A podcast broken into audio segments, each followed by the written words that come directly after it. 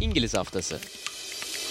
Ada futbolunun sıkışık fikstüründe Çetin Cem Yılmaz ve Arhan Ata Pilavoğlu her hafta Big Six ve ötesini konuşuyorlar.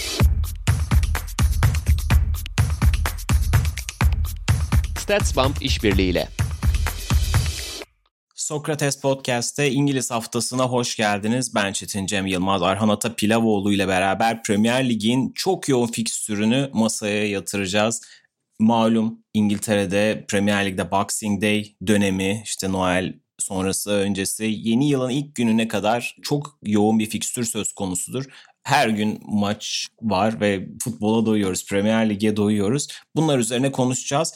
Programa daha doğrusu içeriklerimize girmeden önce de Sokrates'in yeni sayısı raflarda. Önce onlardan bahsedelim. Futbol severler ve Premier Lig sevenler için ne gibi içerikler var Arhan? Abi Premier Lig seven takipçilerimiz için gerçekten çok dolu bir sayımız var. 70. sayımızda kapağımız Jose Mourinho. E, şansa biraz biz kapak yaptıktan sonra Tottenham'da işler yavaşladı ama zaten bence çok öngörülebilir bir şeydi. Bu Mourinho ile ilgili Caner abi, Canereler Rory Smith'le New York Times'ın baş yazarlarından Rory Smith'le konuştu. Onun Premier Lig'deki profiline dair çok güzel içerikler var. Ben Deniz kendisinin Porto'dan Tottenham'a uzanan taktiksel değişikliklerini bir prensip çerçevesi üzerinden yazmaya çalıştım. Futbol içeriklerimizden başka Fatih Demirel ile Christoph Daum'la özel bir röportaj gerçekleştirdi. Yakın zamanda otobiyografisi çıkmıştı. Onun da ötesinde pek çok anlatmadığı şeyleri anlattı Fatih Demirel'e Alman çalıştırıcı. Ritmik jimnastik takımımızın altı madalyayla dönen jimnastik takımımızın mini bir sözlü tarihi özel röportajlardan oluşan bir özel dosya var Buğra Balaban ve Kaan Demirel imzalı. Keza benim çok beğendiğim Caner abiyle uzun uzadıya konuştuğumuz bir Maxwell röportajı var. Sol bek kariyeriyle, Zlatan'la onlarca kupa kazanmasıyla tanıdığımız Maxwell'in hem oyun içine hem oyunun dışında sağ dışına dair çok güzel tespitlerin olduğu çok güzel bir röportaj o da. 1970 Brezilya'yı kaleme aldı İlhan Özgen Toprak Sahada gayet dolu hem futbol hem de her zaman olduğu gibi diğer sporların ele alındığı çok güzel bir sayımız var yine 70. sayımızla. Evet hem raflarda hem de dilerseniz dijital olarak. Evet e, dükkan.sokrates. Evet dük dükkan.sokratesdergi.com'dan eğer bayilerde bulamıyorsanız satın alabilirsiniz. Abone olabilirsiniz. Veya e, abi dediğin gibi dijital üyelik alarak tabletinizde, telefonunuzda, bilgisayarınızda dergiyi okuyabilirsiniz diyelim.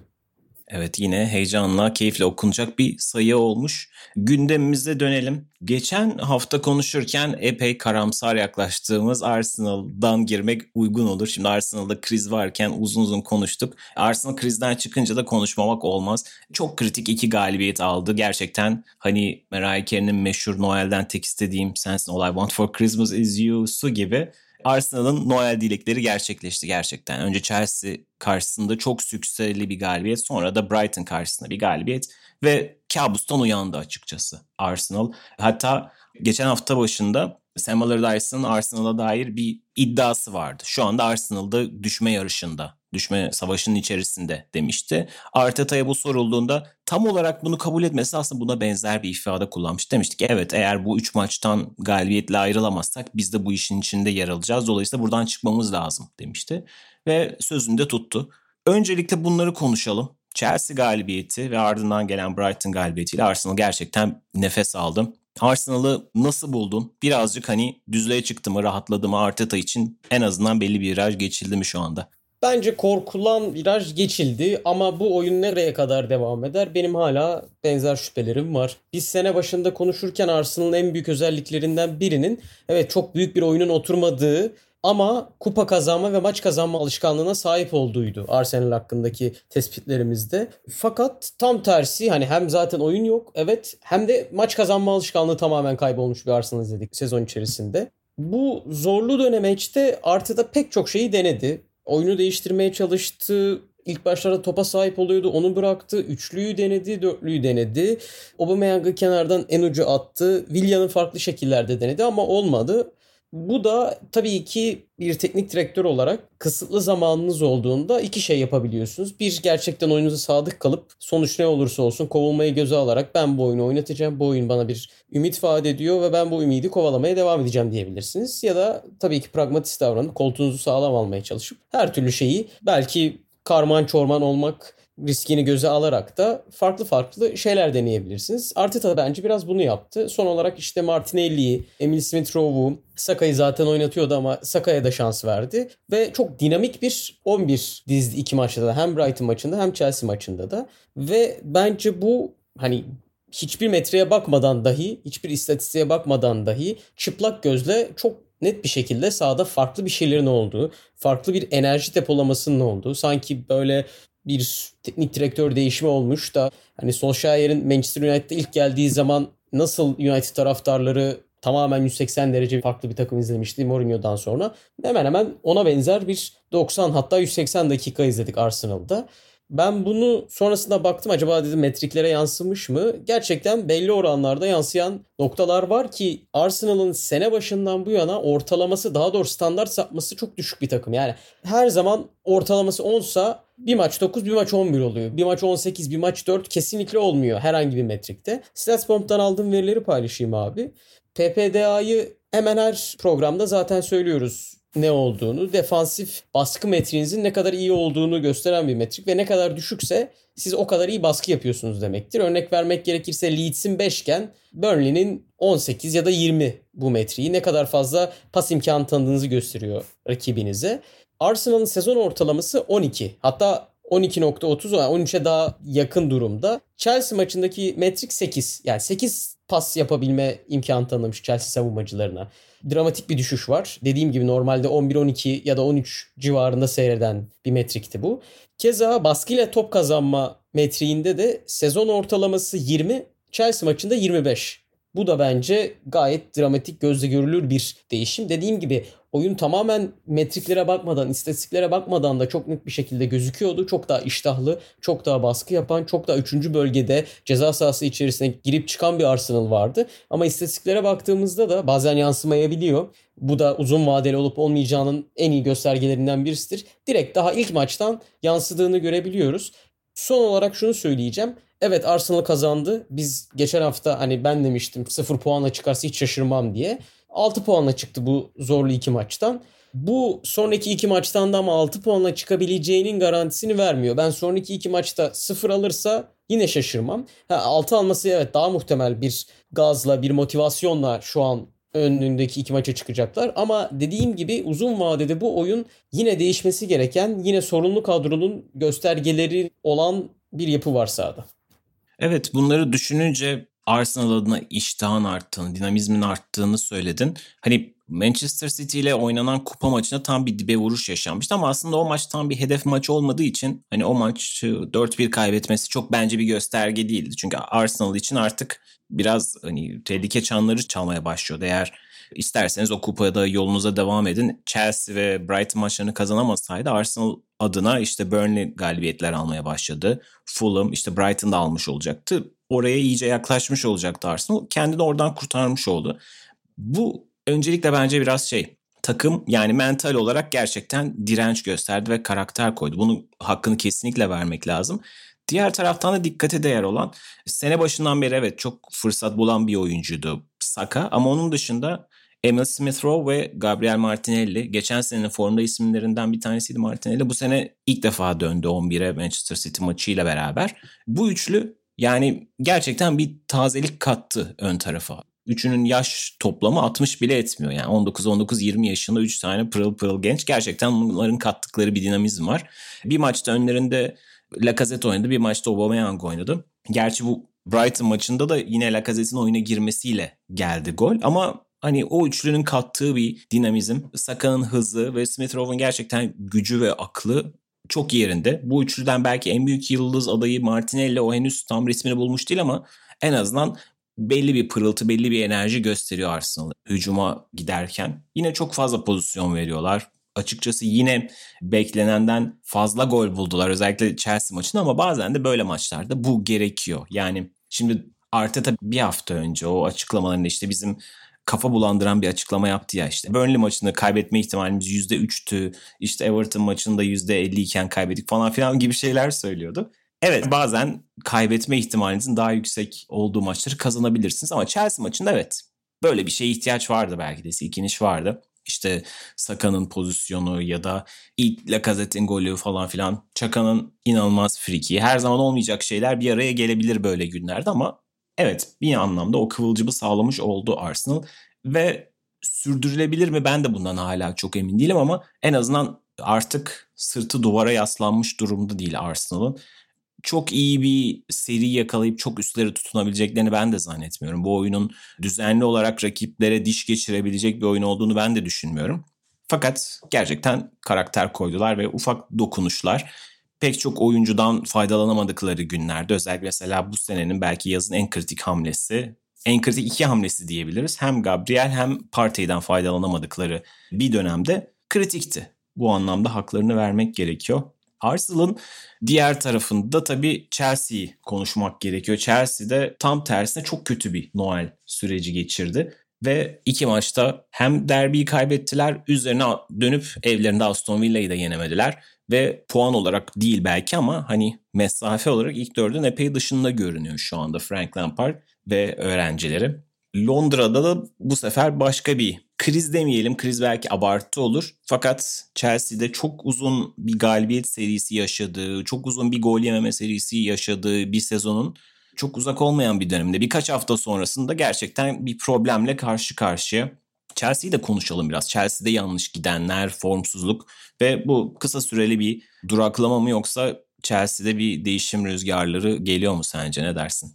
Abi ben Chelsea hakkında işleri iyi giderken şöyle bir şey demiştim. Hani kazanan her zaman haklıdır. Frank Lampard şu an kazanıyor ve o yüzden haklı. Ama haksız konuma düşmesi için pek çok sebep var ve bu süre çok uzun olmayabilir. Yani haklılık süresi çok uzun olmayabilir demiştim. Çünkü toplu oyun o çok ana plan çok şey vaat etmiyordu bana. Yani Chelsea'yi izlediğimde evet her şey yapıyor gibi gözüküyor ama bir şeyi çok iyi yapıyormuş gibi gözükmüyor. Yani mesela Chelsea için City gibi çok iyi bir pas takımı diyebilir misiniz? Bence diyemezsiniz. Liverpool gibi çok iyi bir pres takımı diyebilir misiniz? Diyemezsiniz. Evet bunları yapıyorlar, yapabiliyorlar. Hem kalite olarak hem pres gücü olarak bunları yapabilme potansiyeline sahipler ve maç maç bunları gösterdiler. Ama 38 haftalık süreçte bunu ne kadar uygulayabildiler? Ne kadar onların karakteristik özelliği oldu bu? Bence bu tartışmaya açık bir şey. Ve oyuncuların da toplu oyunda yani topa sahip olmaktan bahsetmiyorum öyle söyleyeyim. Topa sahip olma oyununu sete oturarak en iyi şekilde oynayabilmekten bahsediyorum. Sahip olduğu oyuncuların da Chelsea'nin bu oyuna çok alışkın ve geldikleri takımların bu işi çok iyi yapabilen takımlar olduğundan bahsetmiştik. Yani örneğin Kai Havertz Pete Bosch'la bunu Leverkusen'de yaptı. Timo Werner Leipzig'te bunu Nagelsmann'la yaptı. Hatta Thiago Silva stoper olmasına rağmen Tuchel'le bunun geriden çıkma oyununu çok iyi şekilde yaptı. Hakim Ziyech Ten Hag'la birlikte bunu Ajax'ta yaptı. Bu oyuncular buna alışkın profildeki isimler. Şimdi Chelsea'ye geldiğinde tabii ki inanılmaz bir farklılık yok. Yani Burnley'e gelmedi bu oyuncular. Burada bir oyun da var. Fakat bu yapıdan, bunu çok iyi yapabilen bir yapıdan bunu çok iyi yapamayan bir yapıya gelince işler biraz bence değişiyor. Yani örneğin bu oyuncular saydığım oyuncular City'ye gelseydi, Liverpool'a gelseydi, çok iyi işleyen bir yapıya gelseydi o işleyen yapıyı belki 100 ile giden arabayı 120'ye çıkartacaklardı. Fakat zaten 80 ile giden arabaya üstüne pek çok pahalı eşya ekleyince o 80 100'e çıkacağı yerde 85'e zar zor çıkmaya başladı. Belki yavaşladı hatta bilemiyorum. Bu yüzden de bu kaliteli oyuncuların alışmış olduğu yapıdan biraz uzakta bir oyun var şu anda. Bu oyuncular da buna alışmış, bununla oynam oynamayı bilen oyuncular. Lampard için süre ne kadar daha devam edecek pek bilmiyorum. Yani geçen sene yaptıkları evet değerliydi. Ama sene başından beri konuşuyoruz. Öyle bir kadro kuruldu ki ya ikincilik bile başarısızlık olarak sayılabilecek bir durum ve şu an ikincilikten dahi çok uzaklaşmış bir Chelsea izliyoruz. Ya toparlanabilir mi? Toparlanabilir. Puanlar alabilir. Çünkü kadro zaten hiçbir şey yapmasanız da inanılmaz bir yetenekle bunu yapabilecek donelere sahip. Fakat ne kadar işte o yetenekle nereye kadar ilerleyebilirsiniz? Tıpkı Arsenal'da söylediğim gibi bu ne kadar uzun vadeli olabilir? Soru işareti. Ben Chelsea'nin ilk dörde girse dahi ilk dörtte artık görünen tabloda ilk 3'ü ilk 2'yi sağlayabilecek bir oyun gücünün olmadığını hissetmeye başladım. Bu yüzden Lampard'la belki işler daha kötü gider ve sene ortasında bir hoca değişikliğine gidilir bilemiyorum. Fakat sene sonunda sanki ne olursa olsun hani şampiyon olamadığı müddetçe ki çok zor gözüküyor. Hani puan olarak söylemiyorum bunu. Gözüken oyun olarak söylüyorum. Sanırım vedalaşılacak gibi düşünüyorum. Ben de o havayı almaya başladım. Yani şimdi tabii çok belki erken bunu konuşmak için ama Frank Lampard biraz riskli bir yola girdi diye düşünüyorum Arsenal maçından sonra. Arsenal maçından sonra oyuncularıyla ilgili çok sert eleştirilerde bulundu ki genelde Premier Lig'de ya da genel olarak dünyada çoğu zaman oyuncuları kolay kolay ateşe atmaz teknik direktörler. Yani Premier Lig'in en güçlü figürlerini düşünelim. Klopp, Guardiola, Mourinho. Koltukları çok sağlam teknik direktörler ama böyle ilk mağlubiyette ya da işte kötü bir mağlubiyetten sonra hemen oyuncuları ateşe atmazlar. Frank Lampard'ın yaptığı biraz buydu Arsenal maçından sonra. Evet benim de sorumluluğum var ama oyuncuların bu sorumluluğu alması lazım dedi. Yani kendisinden bir tık daha fazla oyunculara verdi. Bu Chelsea gibi bir kulüpte hani tehlikeli bir oyun özellikle. Frank Lampard evet o kulüpte çok güçlü bir figür ama her zaman oyuncular daha güçlüdür. Bu bir gerçek ki Frank Lampard da oyuncu olduğu dönemde bunu çok iyi biliyor. Yani o kulüpte Jose Mourinho da olağanüstü başarılara imza attı. Rekorlar kırarak Chelsea'ye işte yaklaşık 40 yıl sonra ilk şampiyonluğunu yaşattı. Ama iki sezonun sonunda, üçüncü sezonda artık koltuğu sallanmaya başlamıştı. O da gitti. Ancelotti vardı o da gitti. Villas Boas vardı o da gitti. Teknik direktörler giderler. Oyuncular kolay kolay gitmezler.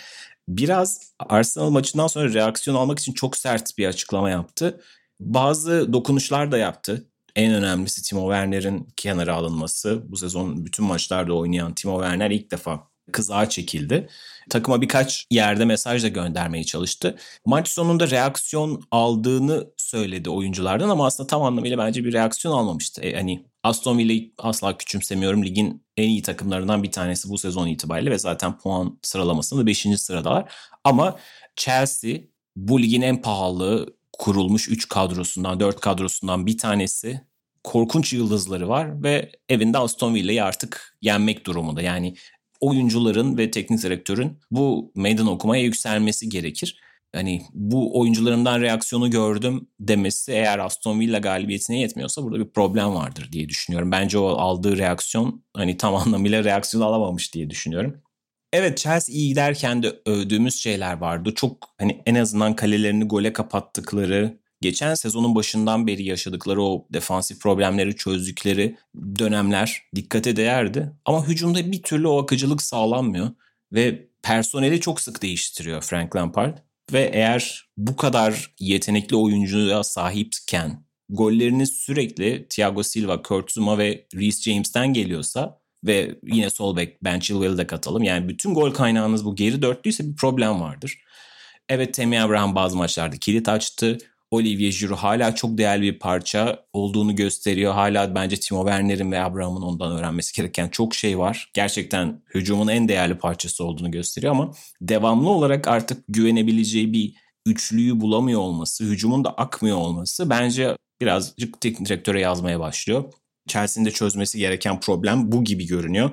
Evet bahsettiğim gibi hala çok kopmuş durumda değil ama şimdi puan sıralamasına baktığımızda 5 tane 26 puanlı takım var ki onların neredeyse tamamının maçları eksik. 2 maçı eksik, bir maçı eksik. İşte City'ler, Tottenham'lar, Aston Villa'nın 2 maçı eksik. Bu takımlar hani birer ikişer galibiyet aldıklarında Chelsea aslında şu anda göründüğünden çok daha altta olmuş olacaktı. Yani biraz aslında gizlenmiş bir problem var Chelsea adına.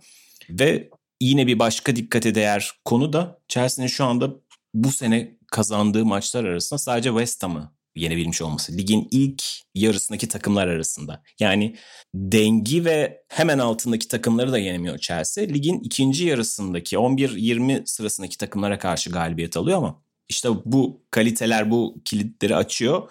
Ama işte Southampton'a, Tottenham'a, Aston Villa'ya diş geçiremiyorsanız Manchester United'a şu an sıralamayı şöyle bakıyorum Liverpool'a bu takımların hepsine puan kaybı yaptı. Yani ilk 9'un üstündeki tüm takımlara puan kaybı yaptı Chelsea. Bu gerçek bir probleme işaret ediyor diye düşünüyorum.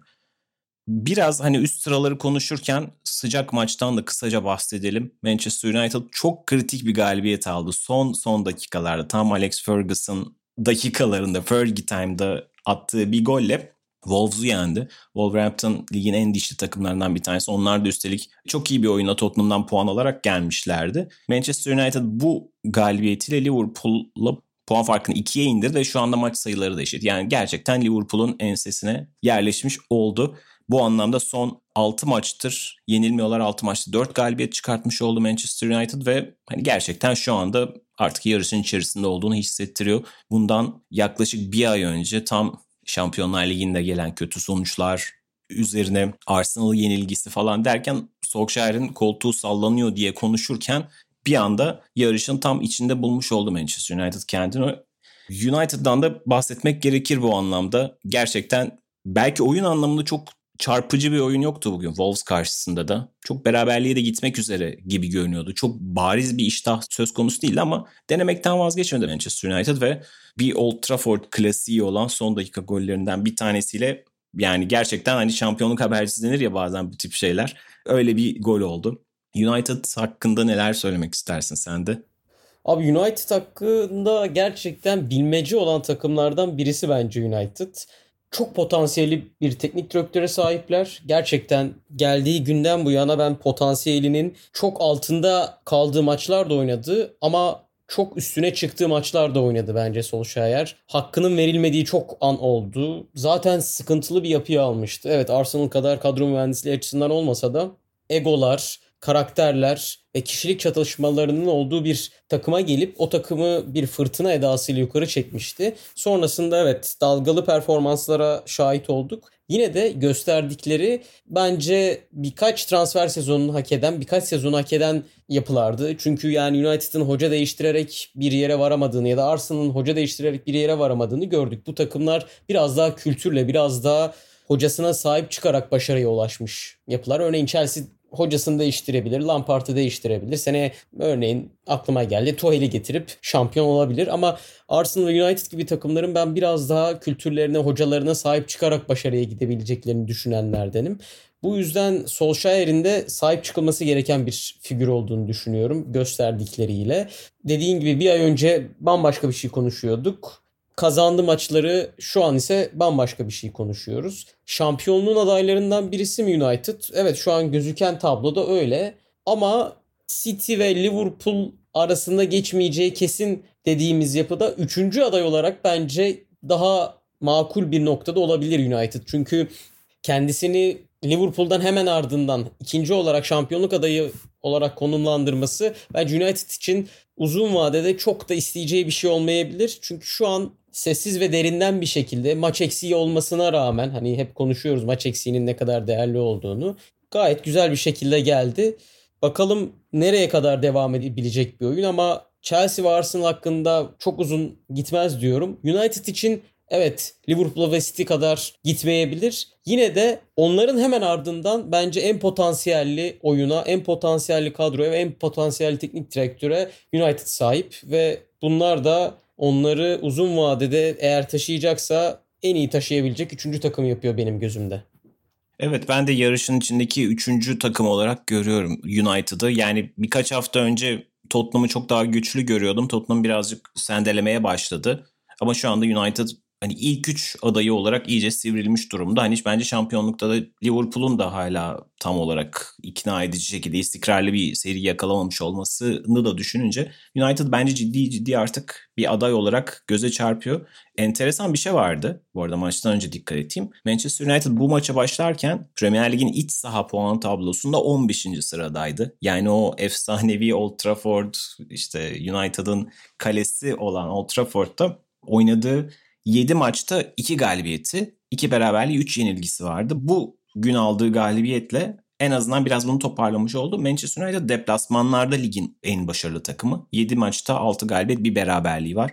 Ligin deplasmanda yenilmeyen tek takımı. Biraz United'ın hep geçen seneden beri konuştuğumuz ikilemini de aslında yansıtan bir şey gibi. Yani Old Trafford'a gelen bir takım genelde daha fazla kapanarak, alanı daraltarak ve topu United'a bırakarak oynuyor belki ve United buna çözüm bulmakta biraz daha zorlanıyor. Fakat deplasmanda United gerçekten daha özgür kendini ifade edebiliyor. Bu şu sonuçlardan da biraz kendi belli ediyor. Deplasmanda aldığı son sonuçlara baktığınızda işte Everton'ı, West Ham'ı hep böyle gollü Southampton'ı 3-1'ler, 3-2'lerle falan filan geçiyor. Rahat hani böyle karşılıklı gollerin atıldığı maçlar oluyor.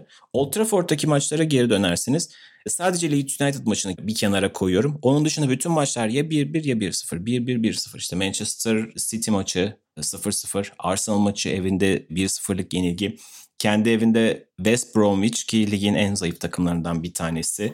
Karşısında 1-0'lık bir galibiyet ve bugün Wolves karşısına almış 1-0'lık bir galibiyet. Yani gerçekten evinde oyunu dikte etmesi beklenen maçlarda problem yaşıyor ama deplasmanlarda belki ilk yarıları da çoğu zaman geride kapatıyor. Rakip geliyor fakat daha sonra Manchester United bir şekilde o kilidi de açmayı başarıyor. Ama evinde asıl problemlerle karşılaşıyor. Bu anlamda enteresan bir ikilem var ama evinde düzenli olarak puanları toplamaya başladığında ki belki de şu anki durum budur. Leeds United maçından sonra bu maçta yavaş yavaş artık belki bir serilerin oturmaya başladığını gösteriyordur.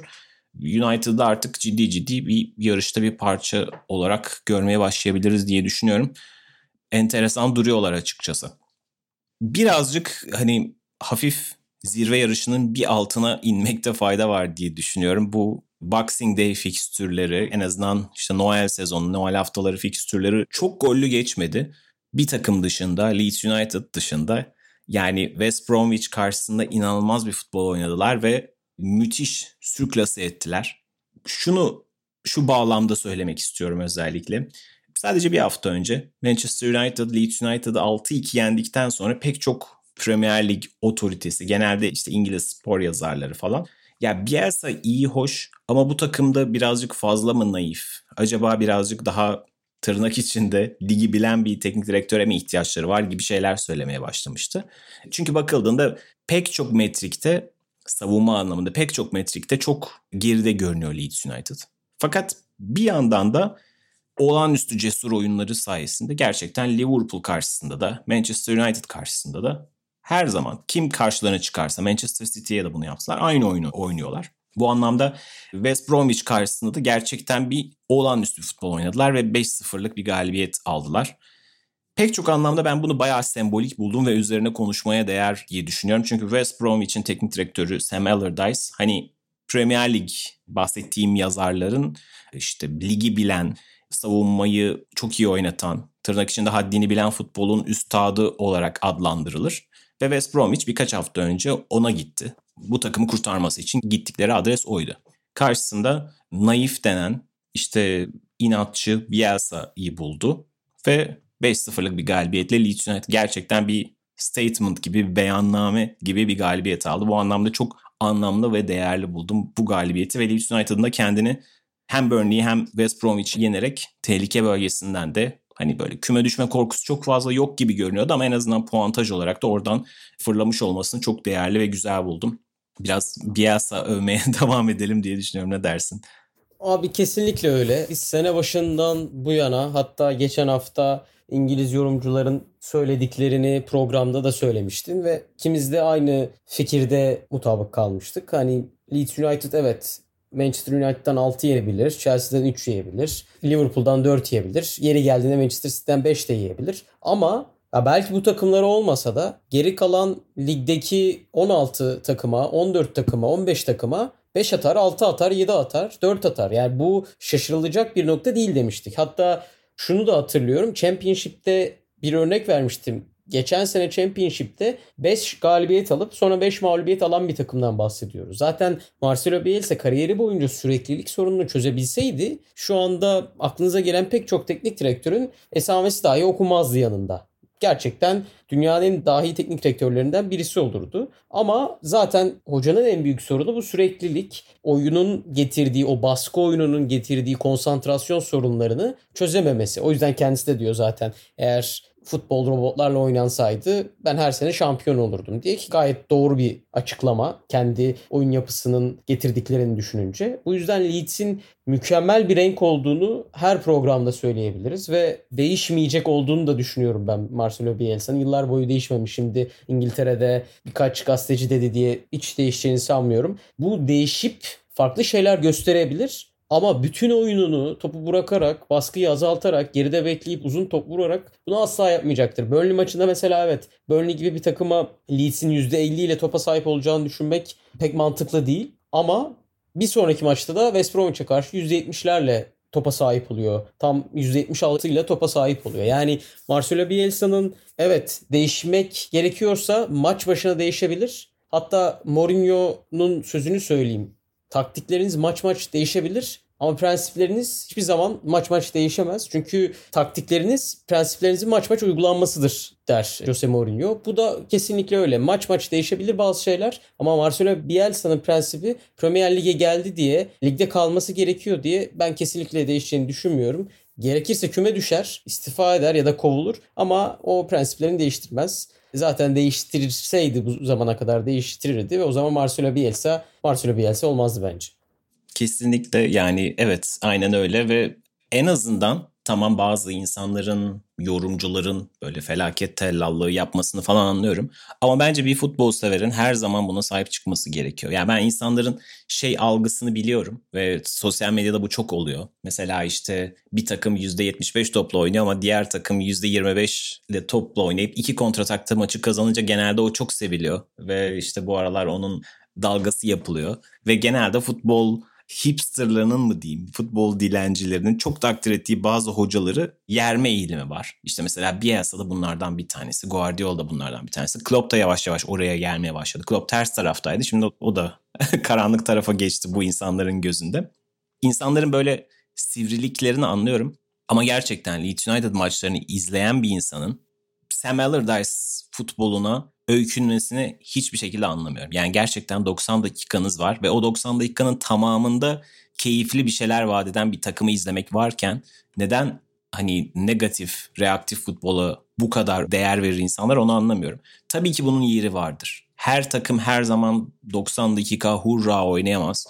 Bazen çok iyi atak eden bir takımın karşısında çok iyi savunma yapan bir takımın olması da zaten futbolu güzelleştirir. Doğru pek çok ikonik maç Şampiyonlar Ligi tarihinde işte kupalar tarihinde falan bu şekilde bu zıtlık üzerine kurulmuştur. Doğru bunun kesinlikle tamamen karşısında değilim ama bir futbol severin bu Leeds United'ın yaptıklarına kesinlikle şapka çıkarması gerekiyor ve bence gerçekten insanların vakitlerini ayırıp oturup Leeds United maçlarını izlemesi gerekiyor. Yani ben bunu zaten keyif aldığım için veya işte bir yandan işim de olduğu için falan bütün Premier Lig maçlarını izliyorum.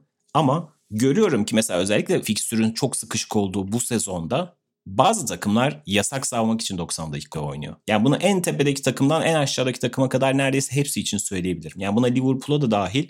Yani tabii ki yasak savmak için oynamıyorlar ama hani bu maçtan 3 puanımızı alalım da gidelim gibi. Öne geçtikten sonra yapılan yan paslar şunlar bunlar. Her takım normal yani skoru korumak için oynuyor. Leeds United ya gerçekten pür futbol oynamayı sevdiği için oynuyor. Ya bugün West Brom maçında maç 5-0'dı. Luke Ayling topu alıp yine yaldır yaldır rakip kaleye gidiyordu. Yani bunu şey yapamazsınız. Oyunculara böyle programlayamazsınız. Bakın işte bu dakikadan sonra işte top çevirelim falan demiyor Bielsa. Ve tamamı hayatı boyunca o championship seviyesinin üstüne çıkmamış oyuncularla yapıyor bunu. Bu olağanüstü bir şey. Yani gerçekten işte Klitsch, Dallas, Alioski, Benford, Luke Ayling bu adamların hepsi yani kariyerlerinde neredeyse ilk defa bu seviyede düzenli olarak Premier Lig oynuyorlar ya da en üst seviye lig oynuyorlar. Sadece şey değil.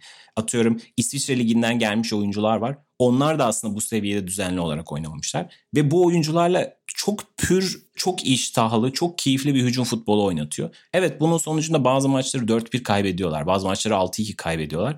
Ama bazı maçları da böyle 5-0 kazanıyorlar ve kendileri gibi oynayarak kazanıp kaybediyorlar. Bence bu olağanüstü bir şey ve her zaman sürecek bir şey değil. Biliyoruz Bielsa'nın kariyerinde dediğin gibi hiçbir zaman çok bu seviyede gidemez. Bir yerden sonra takılır, bazı problemler yaşanır falan filan. Ama bu müthiş bir evlilik var burada. Yani şu oyuncu grubu Bielsa ve Leeds United gibi kültürü olan, tarihi olan bir takım. Bütün bunların birleşimi bence Premier Lig'de son yılların en keyifli hikayelerinden bir tanesini sunuyor. Bence insanlar fırsatı varken Leeds United maçlarını mutlaka izlesinler derim.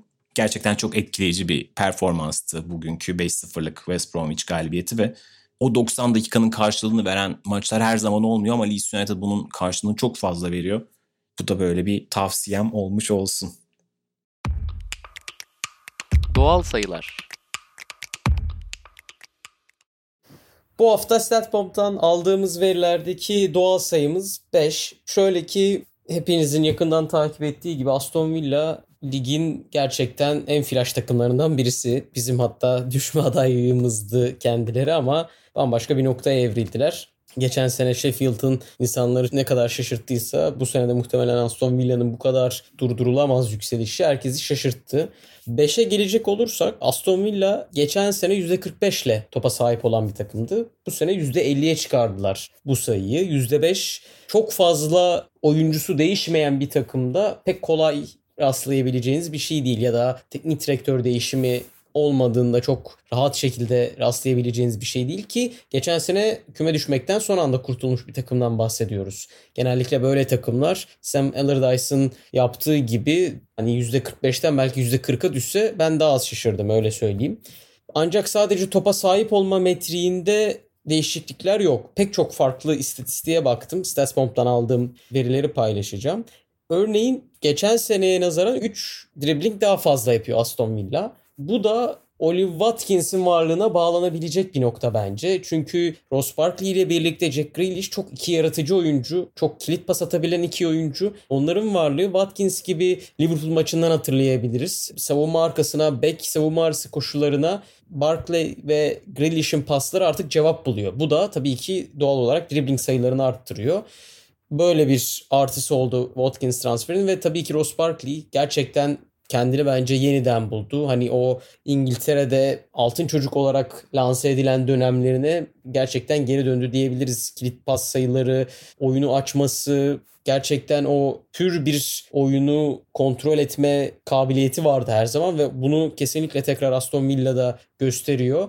Örneğin başka ilgimi çeken noktalardan birisi de Aston Villa'nın ligde en fazla kontra ataktan şut çekme metriğinde birinci olmasıydı. 2.29'da bu metrikte birinciler. Yani yaklaşık maç başına 3 tane kontra ataktan şut buluyorlar. Bu direkt takımlarda kaleye direkt giden takımlarda çok fazla rastlayabileceğiniz bir nokta ama Aston Villa o kadar da dediğim gibi topu bırakıp kontra atağa düşünen bir takım değil. Yani Leicester City'ye, Wolverhampton'a, West Bromwich'e karşı topu alıp topla da üretim yapabilen ama yeri geldiğinde Chelsea, Liverpool, Arsenal'a topu bırakabilen de bir takım.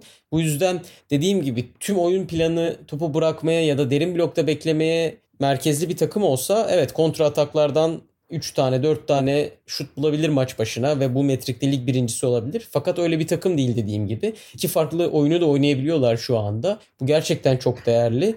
Altıncı kalırlar mı sanmıyorum. Bu takımın oyuncu profili ve potansiyeli zaten altıncı olmaya pek müsait değil. Olurlarsa gerçekten çok büyük bir iş olur.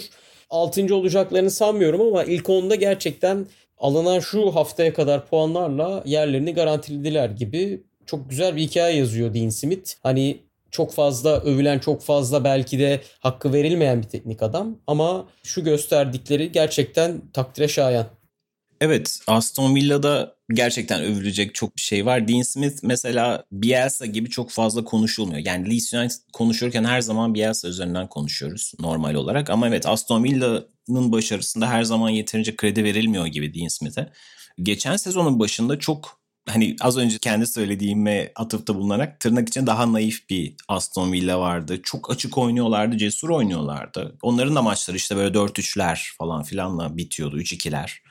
Ve bir yerden sonra özellikle pandemi arasından sonra Aston Villa'nın oyunu çok değişti. Radikal olarak gerçekten savunmasını bir şekilde o gedikleri kapatmayı başladılar ve o clean sheet'ler gelmeye başladıkça puanlar geldi. Geçen sezon Premier Lig'in son haftasında aldıkları galibiyetle ligde kaldıkları zaten ortada ve bu şekilde son gün kalan bir takımın bu sene şu anda Premier Lig'de uçuşta olması gerçekten olağanüstü özel bir hikaye ve yine atılan yenen gollere bakıldığında o da ortada. Yani bir maçta 7 gol atmış bir takımdan bahsediyoruz. Ona rağmen hala 28 golleri var. Aslında oldukça tutumlular gol konusunda. Yedikleri golde de ligin Manchester City'nin ardından en iyi savunmasına sahipler. Ligin en az gol yiyen ikinci takımı. Savunma hattının önünde Douglas Lewis ve John McKean gerçekten çok iyiler. John McKean benim İskoç futboluna ilgim ve Hibernian sevgim yüzünden yıllardır bildiğim, çok sevdiğim bir oyuncudur. Hibernian'ın efsanesiydi zaten oradan beri hani patlamasını bekliyordum. gerçek anlamda pozisyonu itibariyle belki bir süperstar olmayacak ama geçen sezonun ortasında yaşadığı uzun bir sakatlık vardı. O yüzden birazcık gelişimi de durmuştu ve takıma katkısı da engellenmişti.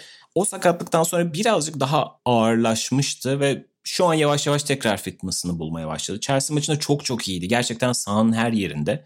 Şimdi ön tarafta El Gazi, Grealish gibi oyuncularınız varsa ortadaki ikilinin gerçekten çok sağlam olması gerekiyor. Bu kadar sağlam bir savunmaya sahipseniz. Bunu çok iyi yapıyor bu ikili. Arsenal Arsenal'den kaptıkları Martinez gerçekten yani sezonun transferi adaylarından bir tanesi herhalde. Gerçekten çok ekstra işler yapıyor. Ve Grealish'ten herhalde bahsetmeye gerek yok ama müthiş bir hikaye. Zaten hala çocukluk takımının kaptanlığını yapıyor olması, Premier Lig'de takımını tutması ve takımında kalması çok güzel hikayelerdi. Bunun üstüne bir de bu sene çıkarttıkları performans çok etkileyici. Son haftalarda El Gazi'nin aldıkları skor katkısı da ilginç olmaya başladı. Geçen seneyi bu kadar problemli yaşamalarının sebeplerinden bir tanesi o santrforsuzluklarıydı. Çok fazla sakatlık yaşadılar ve bütün santrforlarını yitirdiler. O yüzden bir yerden sonra zaten forvetsiz oynamaya başladılar. Grealish orada işte saati 9 gibi oynuyordu bazı maçlarda. Trezeguet devreye giriyordu falan filan. O şekilde sezonun sonunu getirmişlerdi. Bu sene Oli Watkins hamlesi çok değerli oldu. Bir de Oli Watkins'in takım arkadaşlarını da oyuna katmasıyla El Gazi'den de bir dolu skor katkısı alıyorlar. Gerçekten çok keyifli, çok renkli bir takım. Yani evet şu anda korkunç görünüyor benim küme düşerler tahminim. Geçen sene son gün kurtardıkları için bu sene artık ikinci kez zıplamazlar diye düşünüyordum ama çıtayı yükselttiler. Yani yerlerinde saymadılar. Çok etkileyici bir hikaye oluyor Aston Villa'nın yazdığı. İzlemeye devam edeceğiz. Günlerin köpüğü. Günlerin köpüğünde de bu haftanın gündemi aslında bu yılın 2020'nin en büyük konusu Covid oldu yine. Premier Lig'de Everton Manchester City maçı ertelendi. Biz programımızı kaydederken bazı açıklamalara göre Fulham Tottenham maçının da ertelenmesi söz konusuydu. Bunu siz dinlediğinizde biliyor olacaksınız ama hani yavaş yavaş Covid bulutunun yeniden Premier Lig'in üzerine gelmeye başladığını görüyoruz. Bu anlamda gündeme dair enteresan olan taraf ise Everton Manchester City maçının ertelenmesinin ardından Everton'ın yaptığı açıklamaydı bana kalırsa. Bu açıklamanın içeriğinde bu olaydan dolayı üzgünüz, bu karardan dolayı üzgünüz ve bize hiç danışılmadan alınan bir karardı. Bu hiç haberimiz bile yoktu. Biz Goodison Park'ta işte böyle bir fikstürün oynanmasını tercih ederdik. İşte tabii ki Boxing Day insanların maça geleceği Everton'ın da bir şekilde çok önemli bir takıma karşı iç sahada o avantajın kullanmasını istediği bir maçtı haliyle. Biraz buna gönderme yapan bir açıklamaydı. Henüz üzerine Manchester City'den bir açıklama gelmiş değil. Ama şunun altını çizmek gerekiyor. Şu anda kurallar gereği bütün Premier Lig kulüpleri 14 tane sağlıklı oyuncusu olduğu sürece maçlar oynanabiliyor. Manchester City'de Walker ve Gabriel Jesus'un Covid olduğu açıklanmıştı. Fakat daha sonra bu sayı artmış ama açıklama yapılmadı. Hani oyuncular belirtilmedi. Bu anlamda hani birazcık Everton'ın açıklaması şey yani olayda şaibe olduğuna dair bir izlenim bırakan bir hafif bir duman bırakıp çekilme şeklinde yorumlanabilir. Fakat şu anda pek çok takımda Fulham'da da benzer bir hikaye var. Sheffield United'da da benzer bir hikaye var. Takımları da sıçradığını görüyoruz. Fulham teknik direktörü Scott Parker kendi evinde bir pozitif vaka olduğu için tedbir amaçlı takımından uzak kalacaktı zaten. Ve bir şekilde Fulham'da da vakalar arttığı görülüyor. Sheffield United'da da bazı vakalar çıkmış. Hem oyuncularda hem kulüp personelinde. Bu anlamda Chris Wilder mümkün olduğunca devam etmeye çalışıyoruz dedi. Ama bu da takımlarını etkilediği bir gerçek. Ve Southampton menajeri Hasenhüttl da yine benzer bir şekilde West Ham maçında takımının başında yer almadı. Bu anlamda gerçekten 2020'nin son maçlarında da yine Covid tartışması ve Covid bütün yıl olduğu gibi yine kendini hatırlatmış oldu. Aynen öyle abi. Yani başka maçların da iptal edilebileceği konuşuluyor ki zaten fikstürde bunun garantisi hiç yok. Yani Premier Lig'de garantisinin olmadığı herhalde ilk şey koronavirüs yüzünden maç iptalleri her an olabilir. Herhangi bir takımda bir gün test yapıldığında 5, 6, 7 oyuncu çıkabilir. Çünkü tek bir kişi pek çok kişiye yayabiliyor ne yazık ki virüsü. Bu da gerçekten endişe verici. Çünkü hani maçın ertelenmesi o anki form durumunuz çok iyiyken 5 hafta sonra ertelenen maçtaki formunuz bambaşka olabiliyor. Örneğin mesela Everton City maçı gerçekten iki takım içinde bir hedef maçtı. Kazananın gerçekten çok şey ispat edeceği bir maçtı. Ama 5 hafta sonra City bambaşka, Everton bambaşka hallerde olabilir. Bunu da çok etkiliyor. Yani şey zaten onu açıklamaya gerek yok. O 5 oyuncu örneğin Sterling, Ferran Torres, Rodri, Ruben Diaz, Stones olsa zaten City için bitti gitti olacak bir durum. Onu zaten geçiyorum. Bir de böyle bir durumda var. Yani koronavirüsü olan 5 oyuncuyu tamamen yedek olsa dahi pek çok farklı senaryoya dönüşebiliyor bu. Çok can sıkıcı her iki taraf için de. Dediğim gibi Everton'da formdaydı. Çok iyi gelmişti City maçına. Onlar için de gerçekten can sıkıcı. Umarım bu ligin kaderini etkileyecek şekilde olmaz. Yani hak eden bir şampiyonluğu alıp koronavirüs başka bir takıma bu sebepten dolayı umarım vermez. Umarım koronavirüsten dolayı takımlar eksik kalmaz ve form durumları çok etkilenmez. Çünkü gerçekten zaten olağanüstü şartlarda olağanüstü işler çıkartıyor futbolcular. Sadece koronavirüs değil kondisyon açısından da. Bu yüzden hak ettikleri şeyi kimse artık o hak eden sene sonunda alabilir. Evet yani tabii bu sezonun böyle bir Covid gölgesinde gerçekleşeceğini biliyorduk ama bunun yavaş yavaş kendi hissettirmesi özellikle ilk olarak Aston Villa Newcastle maçında bir erteleme olmuştu. Şimdi ikinci erteleme oldu. 3 4 5 diye gidecek mi gerisi bunu göreceğiz ama şüphesiz etkileyecek bu sezonun gidişatını. Şimdi baktığımızda bile Aston Villa ve Manchester City 14'er maçta pek çok takım 16'ya ulaşmış durumda. Hani zaten bir anda iki maç eksik. Premier Lig dışında bildiğimiz gibi iki tane kupa var. Manchester City hem o kupalarda devam etmeye daha büyük bir aday hem de bunun Avrupa'sı da var. Bu maçlar nerelere sıkışacak falan filan dileriz yine dediğin gibi. Hem sezonun gidişatını etkilemen hem de kazasız belasız atlatılır mümkün olduğunca. Ama evet bu sezonda böyle bir gölge hissedeceğiz gibi görünüyor. Yeni normal diyelim. Ve 2020'nin de son İngiliz haftasını böyle kapatmış olalım karışık bir yıldı şüphesiz. 2021'de daha çok futbol, daha az Covid, daha fazla sağlık ve keyifli futbol konuşuruz umarım diyeyim. Ve hoşçakalın diyeyim sözü de sana bırakayım Aran. Bu süreye kadar bizimle olan, bizi dinleyen herkese çok teşekkür ederiz. Herkes için gerçekten çok zorlu bir yıl oldu 2020. Umarız 2021'de bu olağanüstü şartlarda herkesin sağlığı, huzuru yerinde olur ve 2021'de de gelecek senede birlikte olmaya devam ederiz. Bizi dinlediğiniz için çok teşekkür ederiz. Herkese iyi ve sağlıklı seneler. İyi seneler.